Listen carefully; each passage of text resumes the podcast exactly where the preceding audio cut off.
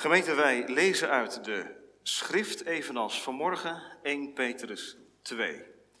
1 Petrus 2, de eerste tien versen. 1 Petrus 2, vers 1 tot en met 10 als schriftlezing. Waar we het woord van onze God als volgt lezen. Leg dan af alle slechtheid, alle bedrog, huichelarij, afgunst en alle kwaadsprekerij en verlang vurig als pasgeboren kinderen naar de zuivere melk van het woord, opdat u daardoor mag opgroeien.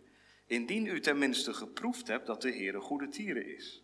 En kom naar hem toe als naar een levende steen, die wel door de mensen verworpen is, maar bij God uitverkoren en kostbaar.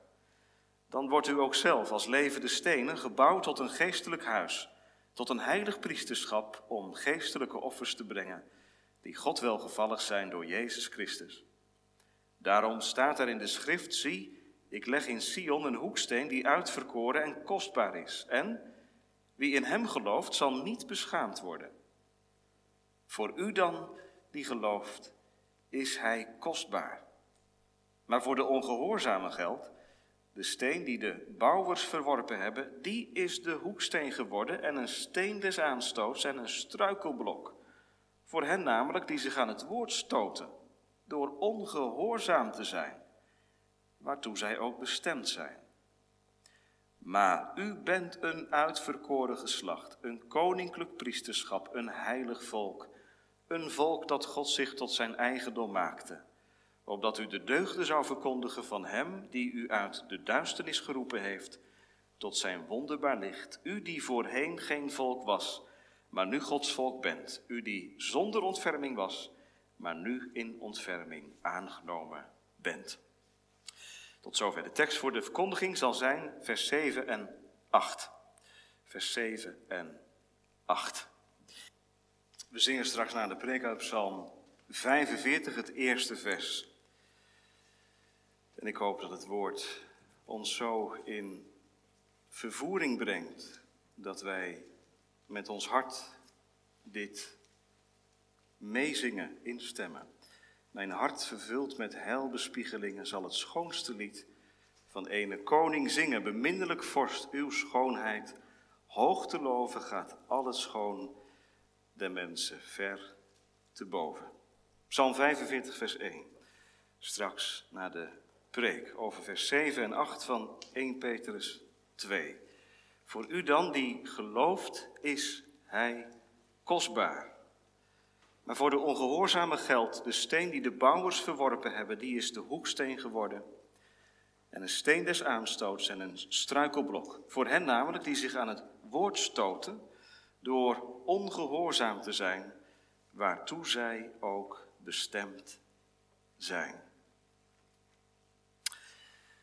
Gemeente Charles Spurgeon was 16 jaar toen in hem opmerkelijke gaven werden gevonden. Een oudere man die zag dat hij als zondagschoolonderwijzer de gave had om het woord te bedienen en te delen. En op een zekere dag zei deze oudere man tegen Charles Spurgeon: Ga jij eens mee met die student die op zondag daar en daar in dat dorpje moet preken? En zo geschiedde. Spurgeon ging met die student onderweg naar dat dorp.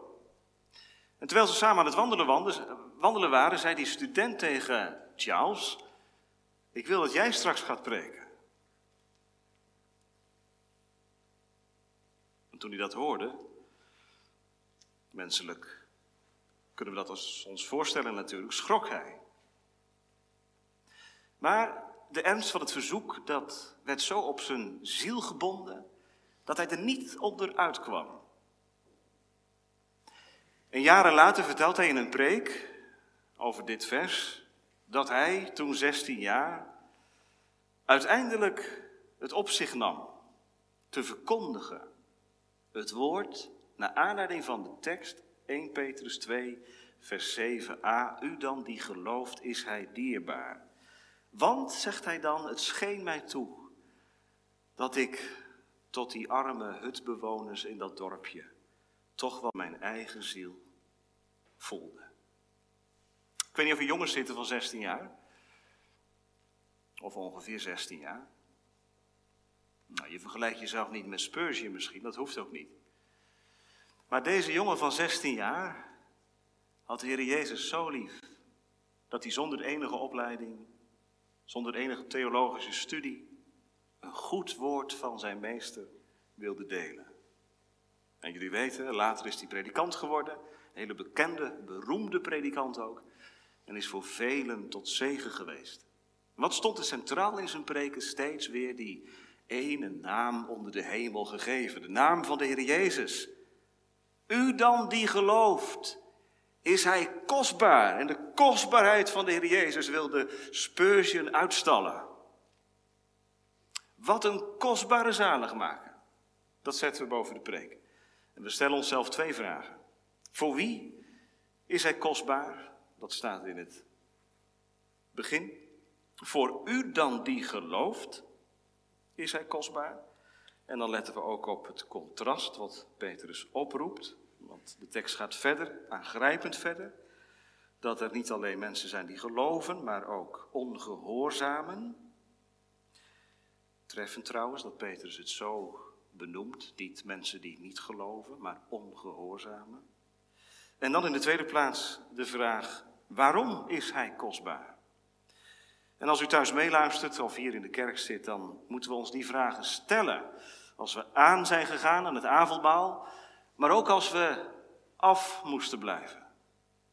Voor wie is hij kostbaar en waarom is hij kostbaar? Allereerst dus de vraag, voor wie is hij kostbaar?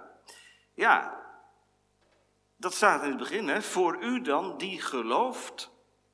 Blijkbaar is het geloof noodzakelijk, levensnoodzakelijk om te kunnen zeggen dat Hij kostbaar is. Net zoals liefde noodzakelijk is om van je vrouw of van je man te kunnen zeggen, zij, hij is mij alles waard. Zij is kostbaar. Dat kan alleen maar als er een band is van liefde, een innige relatie, een hechting aan elkaar. Nou, zo is het ook in het leven met de Heer. Alleen door het geloof kun je zeggen, de Jezus is kostbaar. Want wie niet gelooft, voor diegene geldt, als wij hem aanzagen, zo was er geen enkele aantrekkingskracht, geen gestalte, dat wij hem zouden begeerd hebben. En dat geldt ook gemeente van de mensen die geloven. Als je de Heer Jezus lief hebt gekregen, dan is je eertijds vroeger gestempeld door die woorden van Jezaja. Ik zag geen waarde, ik zag geen schoonheid in de Heer Jezus. Het is ontstaan, hoe dan? Door het geloof. Maar dan ook voor ieder die gelooft. Of je nou kortere of langere tijd omgaat met Hem. Of je nou kort op de weg of lang op de weg bent. Of je nou voor de eerste keer aan het avondmaal ging in, dit, in deze cyclus. Of voor de zoveelste keer. Voor u die gelooft, al is dat geloof heel klein. Sterk aangevochten. Onder druk gezet. Of dat geloof bloeit, hoe dan ook. Geloof is hartelijke liefde ontvangen tot de Heer Jezus. Of zoals iemand eens een keer zei, heilig verliefd worden op de Heer Jezus. Dat klinkt misschien een beetje raar. Maar toch is het taal die als je de Bijbel goed leest, steeds weer bovenkomt. Die hele, ja, noem het warme, existentiële, bevindelijke, gelovige taal. De psalmengemeenten zijn geen versjes van het hoofd, maar het is taal van het hart. Van een hart wat ingewonnen is, wat overwonnen is door de overmacht van Gods liefde. Kijk, en daarom zijn die psalmen zo verbindend. Daarom scheppen ze een band tussen jongeren en ouderen, omdat je daarin iets waarneemt van verwondering van iemand die door Gods genade opgezocht werd. We gaan straks Psalm 45 zingen, dat is een van die psalmen waarin het heel treffend onder woorden wordt gebracht. Hè? Beminnelijke vorst, uw schoonheid hoog te loven, gaat al het schoon der mensen ver te boven. Dat betekent, jonge mensen, dat het dus zo kan zijn dat je in je leven een moment bereikt of gaandeweg ontstaat, dat je zegt, er is niets, er is niemand zo kostbaar als de Heer Jezus. Hij is meer waard dan geld, dan goud, dan carrière, dan gezag, dan invloed, noem maar op. Nou gemeente, die vraag ga ik u toch stellen vanmiddag. Heeft de Heer Jezus aantrekkingskracht voor je gekregen? Is Hij kostbaar geworden.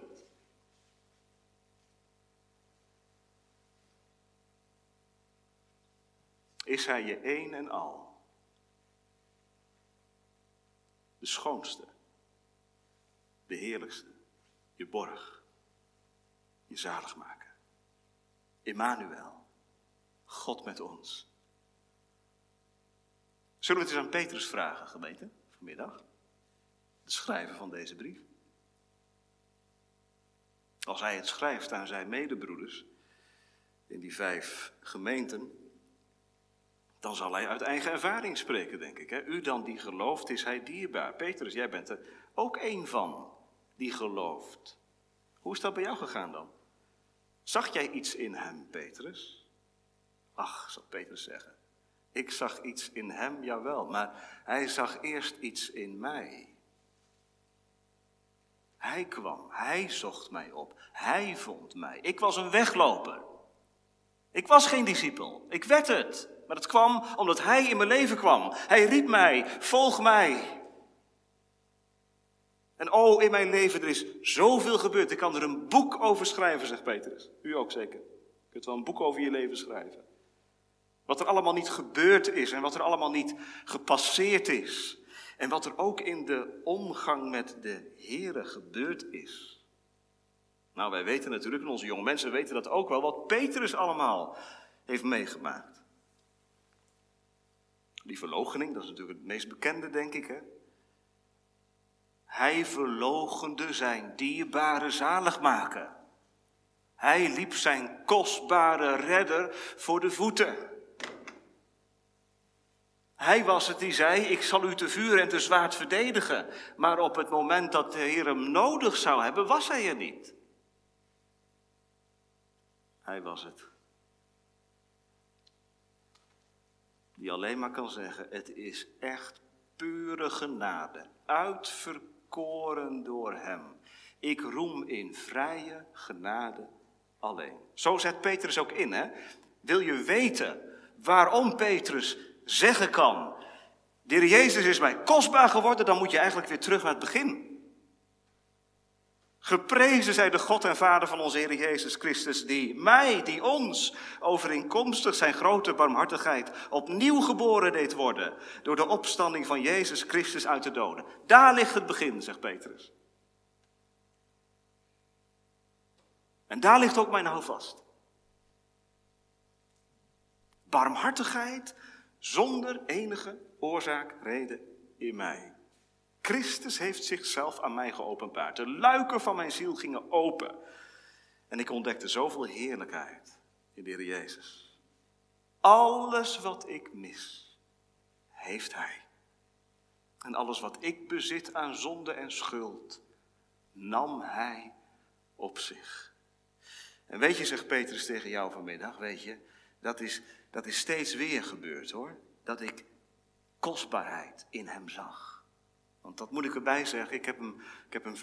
Ik heb mijn meester laten vallen. Ik heb hem drie keer hardgrondig verlogend. Maar weet je, ik, ik liet hem vallen, maar hij liet mij niet vallen.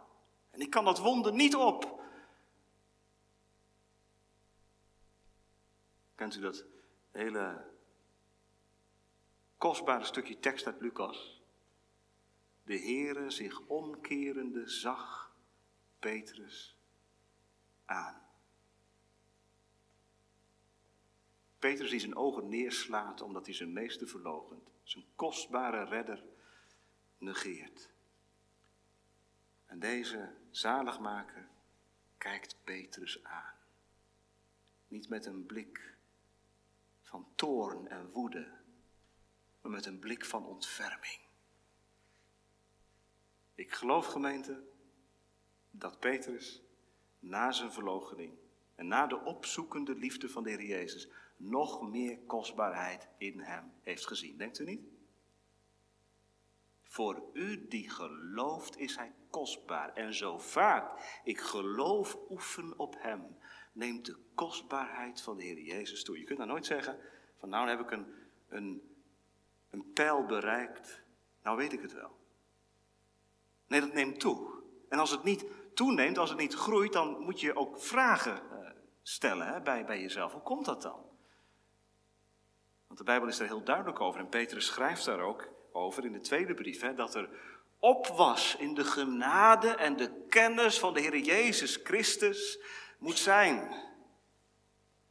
Nou, hoe kan er opwas in de, in de genade en de kennis zijn? Als je meer kostbaarheid, meer schoonheid in de Heer Jezus laat, of, uh, gaat zien. En ik denk nog even aan, aan die passage van de Heere die Petrus op, op, de, op de oever van de zee van Tiberias opzoekt. Dat weet u wel, hè? Die, die hele ontroerende passage dat, dat Petrus door de meesten geroepen wordt en dat hij gevraagd wordt, Petrus, heb je mij lief? Simon, zoon van Jonas, hebt u mij lief? Drie keer. Wat een ontferming. Als Petrus op het strand opnieuw opgezocht wordt door hem. Wat is nou die kostbaarheid van Christus? Wel dat hij mij steeds weer zocht. Hij zocht mij eens en redde mij van de ondergang en van de toorn van God. En hij zoekt mij steeds, opdat ik in zijn spoor zal gaan. Gemeente naast Petrus zet ik vanmiddag Paulus. En Paulus heeft gezegd van zichzelf, ik ben de grootste van de zondaren. En dat zei hij niet voor zijn bekering, maar erna. Ik ben de grootste van de zondaren. Leed Paulus aan een negatief zelfbeeld? Helemaal niet. Paulus heeft schoonheid gezien in de Heer Jezus. En als je kostbaarheid ziet in de Heer Jezus, ga je je eigen vuilheid en onreinheid steeds meer zien. Dat gaat samen op, denk ik. hoe meer kennis van Hem, hoe meer kennis van jezelf ook. En hoe meer kennis van jezelf, hoe meer kennis van Hem. En hoe meer kennis van jezelf, hoe meer verwondering over Hem. Paulus. Weet je wat hij zei? De man die zichzelf de grootste van de zondaren noemt, zegt ook in één adem: Ik heb alle dingen vuilnis geacht om de uitnemendheid, de heerlijkheid van de kennis van de Heer Jezus Christus. Nou, dat is ook zo iemand. Die met Petrus zou instemmen. U dan die gelooft, is hij kostbaar. Gemeente, nou vraag ik aan u en aan de mensen thuis. Staat u naast Petrus en Paulus?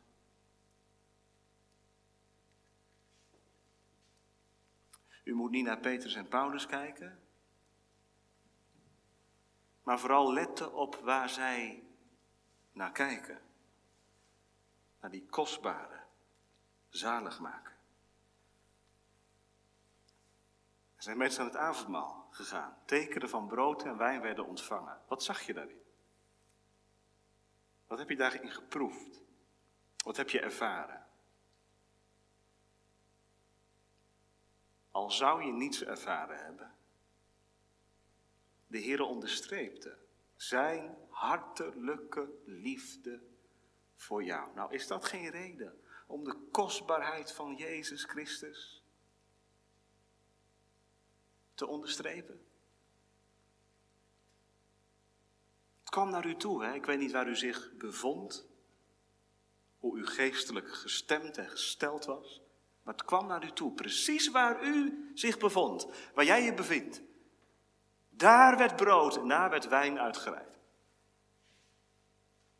Wat een kostbare zaligmaker. Vroeger zeiden ze, dat was zo'n zin die vaak gebruikt werd. Christus wordt gepast en dierbaar en beminnelijk. Noodzakelijk gepast, dierbaar, beminnelijk. Noodzakelijk. Ere zonder u kan ik niets. Zonder uw verzoeningswerk ben ik ten dode opgeschreven. Gepast. Precies geschikt betekent dat. Ik heb u nodig. Er is niemand die mijn schuld kan vergeven dan u alleen. Beminnelijk. Hij kwam. En hij gaf zich tot in de dood om mij aan de dood te onttrekken. Zo'n zalig maken. Daar heeft Petrus het over. Ik weet niet of het u opgevallen is, dat avondmaalsformulier lezen we natuurlijk iedere, iedere avondmaalsdienst. En dan kan er ook iets in slijten van gewoonte. Maar toen ik het deze week nog weer eens voor mezelf las, dacht ik, wat is dat avondmaalsformulier toch, toch prachtig. Hè? Wat staan daar zinnen en woorden in waarin die warmte van de geloofsbeleving eruit komt. Het gaat over de zalige gemeenschap met de Heer Jezus Christus. Het gaat over de lieve zaligmaker. Dat zijn hele kostbare woorden. Waarmee iets wordt aangegeven van hoe, hoe heerlijk, hoe geweldig, hoe genadig de zaligmaker is. Ik weet, als je die zinnen leest, dan weet je ook meteen, dit is taal van het hart. Dit is geen verstandelijk weten, dit is geloven met het hart. Je overgeven. Kostbaar wordt hij voor die gelooft. Geloof ik wel? Ja, dat kan een vraag zijn. Stel je nou voor dat de dokter tegen je zou zeggen dat je binnen een week moet sterven. Je hebt een hele ernstige ziekte onder de leden en je weet het niet, je voelt het ook niet. Maar de scans laten heel duidelijk zien, het is gewoon bijna voorbij. En die dokter zegt, er is nog één medicijn. Maar dat medicijn is zo duur, niet verzekerd. Betekent dat u dingen moet gaan verkopen. Dingen waaraan u gehecht bent misschien wel. Zou u dat doen? Als je weet dat je een week hebt te leven en je moet dingen verkopen, dingen uit huis doen, een auto verkopen, ik noem maar iets, om dat medicijn te kopen, zou je het doen?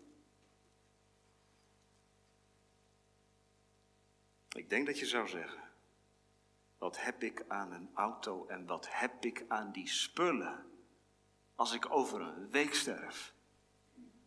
En daarmee zeg je dat medicijn wat die dokter mij aanbiedt is zo kostbaar dat alles wat waardevol leek in vergelijking met dat medicijn niets voorstelt. Op zichzelf beschouwd is het geweldig, die auto en die spullen. Maar in vergelijking met dat medicijn wat levensreddend is, is het helemaal niets waard. Is het allemaal vervangbaar. Nou, dat zeg je als Christus je kostbaar is. Hij is mij meer waard dan alle materie die ik verzameld heb, die ik gekocht heb. Want hij is de hoeksteen. Daarom is hij ook kostbaar. Het, het woord kostbaar komt in vers 4 ook naar voren als, als Petrus zegt, Kom naar hem toe als naar een levende steen die door de mensen verworpen is, maar bij God uitverkoren en kostbaar. Ziet u, God noemt zijn zoon kostbaar. En de gelovige op aarde noemt de zoon van God ook kostbaar. Dus de vader zegt van zijn zoon, hij is kostbaar. Hij is levensreddend. En het geloof zegt hetzelfde. Deze zoon, deze zaligmaker is kostbaar. Hij is de hoeksteen. Gemeente, we redden het dus niet, echt niet. Als Jezus een plekje heeft in onze overwegingen, als die in de rand van ons leven een bepaalde betekenis heeft. Hij is de hoeksteen, het levensreddende medicijn van God aangeboden. Of niet? Ja, en dan?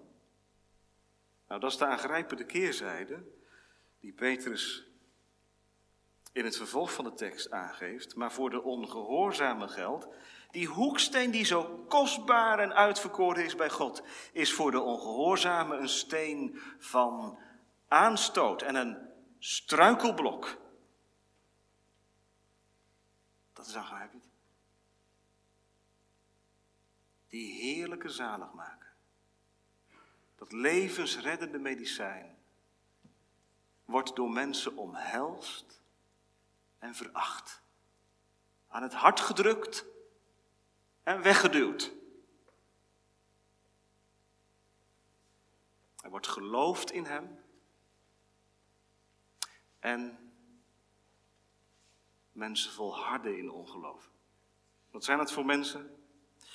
Nou, dat zijn niet de mensen alleen die buiten de deuren van dit gebouw hun leven invullen. Dat zijn ook mensen die in de kerk kunnen komen. En dat hoeven geen grove zondaren te zijn. Maar het zijn mensen die een leven lang in de kerk komen. En die Christus laten kloppen op de deur van het hart. Die de aanbieding van het evangelie horen. En ja knikken. Zo is het. Maar het niet geloven. Dat is aangrijpend. Ik weet niet of ik het over jou heb. Of over u. Als dat zo is, gemeente, dan moet ik u echt waarschuwen vanmiddag. Want weet je wie niet gelooft, die valt. Een steen van aanstoot, wat is dat? Een struikelblok. Nou, dat is iets waarover je valt en je nek kunt breken. Diezelfde Christus, diezelfde heerlijke zaligmaker, ja. Hij is gezet tot een val en tot een opstanding van velen in Israël. Iemand zegt die de tekst op zich in laat werken, ja, dat zal zo zijn, maar dat is allemaal al voorbestemd, hè, dominee? Het staat ook in de Bijbel, kijk maar, waartoe zij ook bestemd zijn. En het zou kunnen dat je dat leest als een verkapt dreigement. Zie wel, als God je niet selecteert uit de verloren wereld, dan kom je er niet. Nou, dit is geen verkapt dreigement. Maar wat is het dan wel? Ik las een mooi voorbeeld in een preek van Kolbrug over deze tekst. Die zegt: Neem nou een moeder. Neem nou je eigen moeder. als je als kind buiten speelt in deze tijd van het jaar, dan heb je natuurlijk smiddags, als je een middag buiten speelt, zo smerige voet. Dan zie je er niet uit. Wat zeg je moeder? Oh, kom maar naar binnen, maakt niet uit. De wasmachine is gewillig en ga maar aan tafel zitten. Nee, natuurlijk niet.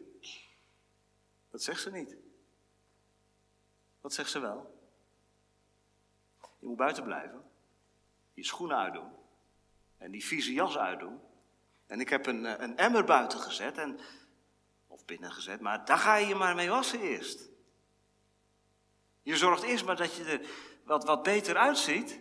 Voordat je het huis binnenkomt. Je vindt een gesloten deur als kind als je denkt dat je zo in al je vuilheid en al je smerigheid naar binnen kunt lopen. Dan bevel je het huis. En dat is nou net niet de bedoeling. Dus de deur gaat dicht. Een gesloten deur. En dat vind je niet leuk. Dat is een aanstoot. Als een struikelblok. En als je nou tegen die, die deur gaat trappen, die deur gaat echt niet open hoor. Wat is nodig? Je moet gewassen worden. En weet je, je moeder plaagt je echt niet. Door te zeggen, ik wil je zo onrein niet in huis hebben. Je moeder zegt, ik heb ook een middel om er van af te komen. Om je te reinigen. Je bent welkom. Je bent mijn kind. Maar die moddervoeten, die moeten wel schoon. En als je dat niet wilt, dan kies je er zelf voor, dan blijf je maar buiten. Dan ben je ongehoorzaam. Want dat woord gebruikt Petrus, gemeente. En dat laat ook zien dat er bij ons geen enkel excuus kan zijn. Ook niet straks in de dag der dagen. Als we zeggen ja. Maar voor mij was het niet. Je bent ongehoorzaam geweest, zegt Petrus. Voor de ongehoorzame geldt. De steen die de bouwers verworpen hebben, die is de hoeksteen geworden. En een steen des aanstoots en een struikelblok. Voor hen namelijk, en dan komt het, die zich aan het woord stoten. Gemeente, je blijft buiten het koninkrijk van God als je je aan het woord ergert. En als je op die manier je ongehoorzaamheid laat zien. Petrus laat dus de volle verantwoordelijkheid liggen bij degene die zonder God leven. U bent ongehoorzaam. Gemeente, daarom word je voor de keuze gesteld. Kies heden wie je dienen zult. Als je de steen Christus, die je vanmiddag gepresenteerd wordt als een hoeksteen waar je met al je last op kunt leunen, als je die verwerpt, dan is dat je keuze. En zal die steen, diezelfde steen, een steen aanstoot zijn, een struikelblok waarover je valt. En je zult niet meer opstaan. Je eeuwige verlorenheid. Dat is realiteit. Voor degenen die het woord ongehoorzaam zijn. Die zich aan het woord stoten en storen. Daarom hoop ik gemeente dat de tekst van vanmiddag in zekere zin een lastige steen is. Geen steen waarover je valt, maar een steen waar je niet meer omheen kunt. Een steen die je brengt aan de voeten van de Heer Jezus. Want weet je, stel nou hè, dat jij behoort bij die ongehoorzame. Stel nou dat je moet concluderen, ik ben iemand die mij aan het woord stoot. Mag ik vanmiddag tegen je zeggen, voor de ongehoorzame geld. Kom tot Hem, tot de levende steen. En word zo gebouwd. Zo is het gegaan bij Petrus.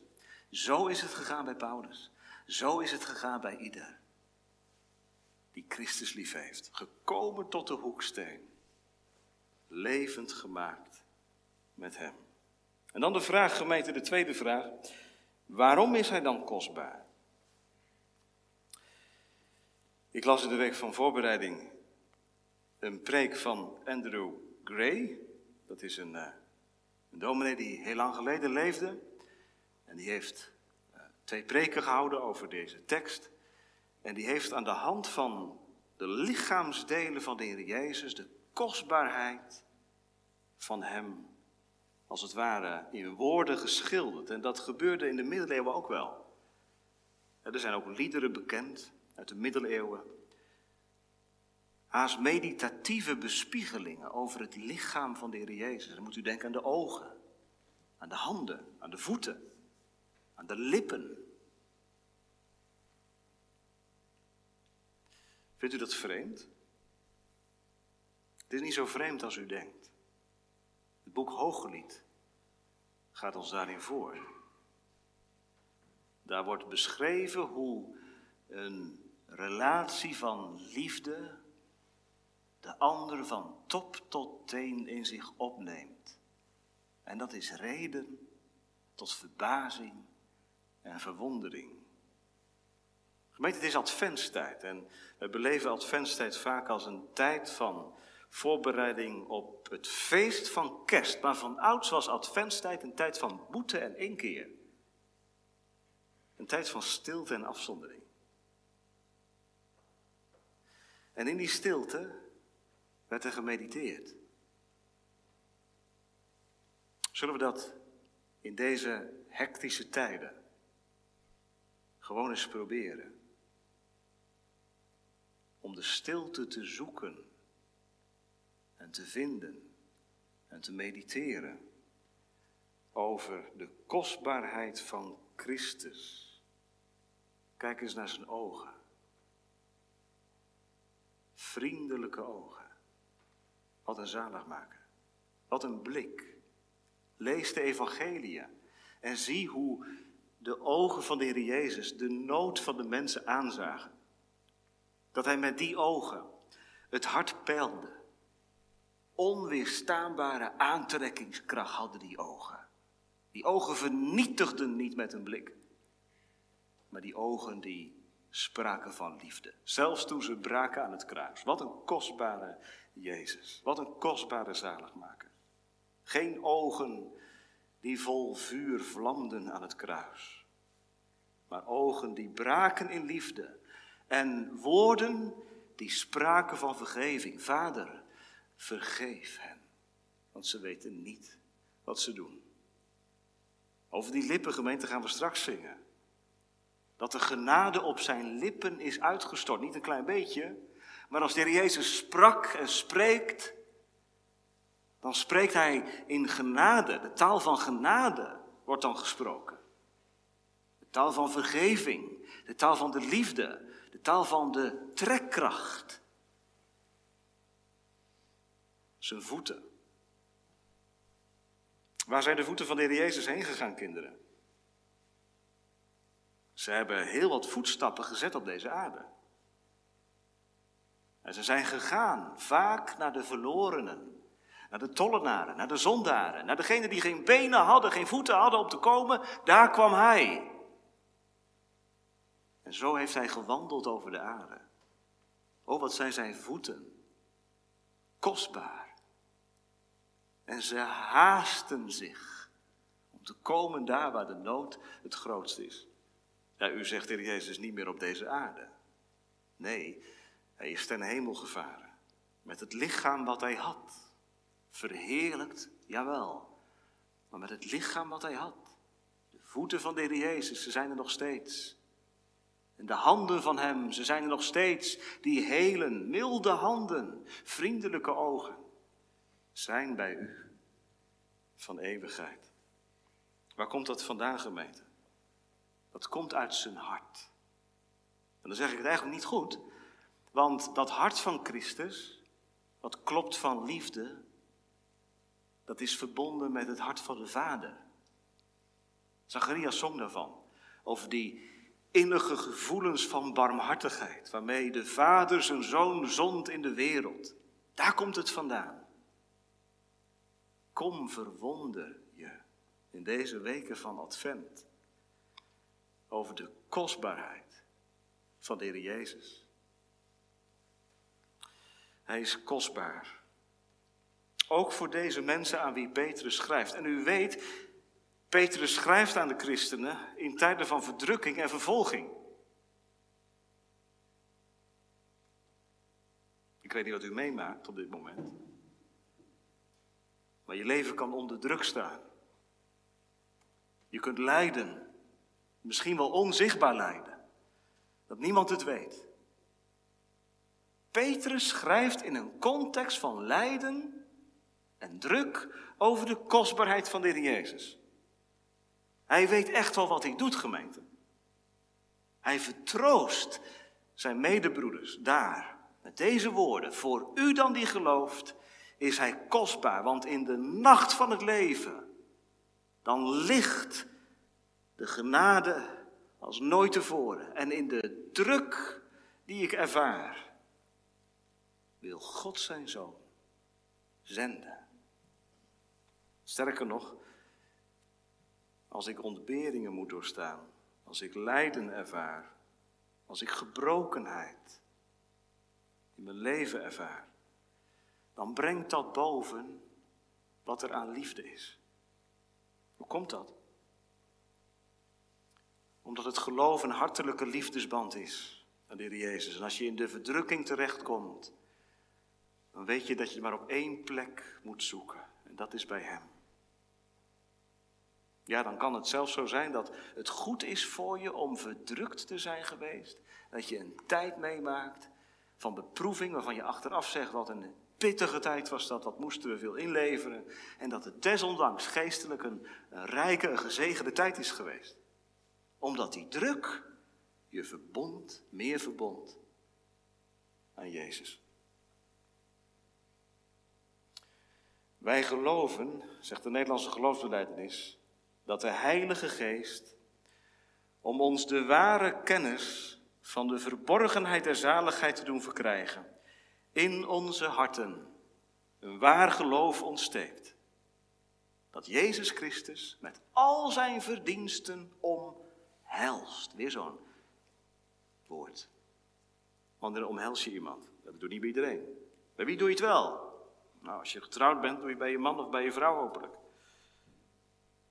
Wat is dat voor signaal? Ja, dat is een teken van innige liefde, van hartstochtelijke genegenheid. Dit zijn onze blijdingsgeschriften, gemeente.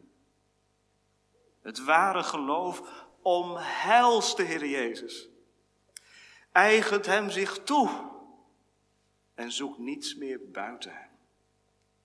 Dat geloof, gemeente, cirkelt rond Christus.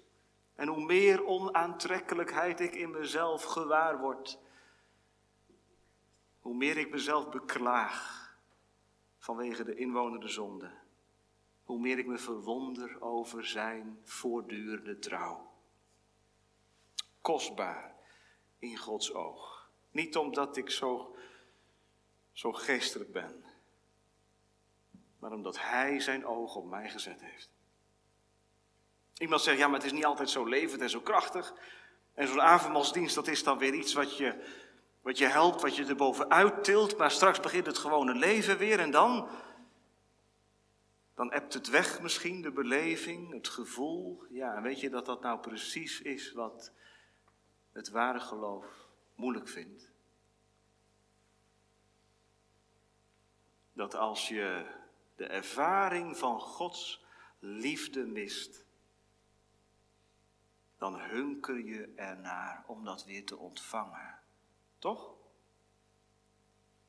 Maar hoe krijg je dat dan, zegt iemand? Hoe komt die ervaring weer terug? Hoe komt die beleving weer terug? Kom naar Hem toe. Kom naar Hem toe. Ik denk even aan de herders in de adventstijd. De herders die vanuit de velden van Efrata gingen naar Bethlehem. Zij kwamen en zij vonden en zij aanbaden. Door te komen aanbaden ze. Ze bleven niet, maar ze kwamen. Gemeente, kom naar Hem toe. Als tot een levende steen. En stel nou, gemeente, stel nou. Dat je zegt, ik heb hem hartelijk lief, maar ik kan er soms geen woorden aan geven. Ik ben niet zo'n prater, ik ben een hele stille man. Ik ben een stille vrouw. Ik ben introvert. Moet ik denken aan een andere dominee, dominee Martin, die leefde twee eeuwen geleden. Die was een jaar tot geloof gekomen. Hij was dus dominee, onbekeerde dominee. En die dominee kwam in de pastorie tot bekering, laat me zo maar even zeggen. En na een jaar preekt hij over deze tekst, 1 Petrus 2, vers 7a. En toen zei hij, ik ben geestelijk nog maar één jaar oud. En ik kan maar moeilijk woorden vinden om uw gemeente te vertellen hoe, hoe geweldig deze zaligmaker is. Maar gemeente, zei hij, al zou ik deze tekst maar blijven herhalen, en zou ik niet meer zeggen dan, voor u dan die gelooft is hij kostbaar. Voor u dan die gelooft is hij kostbaar. Dan weet ik zeker, zei hij, dat ook de gerijpte kinderen van God verzadigd naar huis gaan. Vindt u dat niet mooi? Dan zou je nou niks kunnen uitbrengen. Of vind je nou moeilijk om erover te praten. Maar dan zouden deze woorden steeds herhaald worden in je hart. Dan is dat genoeg. U dan die gelooft, is hij kostbaar.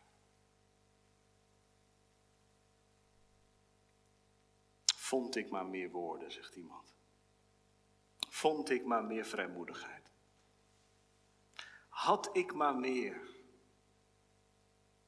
Nee, Hij. Hij is kostbaar. O, had ik duizend tongen meer dan deze ene tong.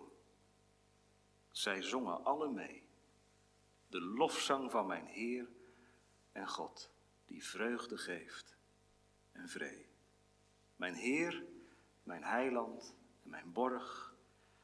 O, hij geeft mij steeds gena, opdat ik van uw liefde spreek, gekruist op Golgotha. O Jezus, naam die vrees verdrijft en droefheid vlieden doet. Die naam klinkt hemels in mijn oor, geeft vrede aan het bang gemoed. Zijn bloed verlost uit Satans macht. Zijn bloed maakt slaven vrij.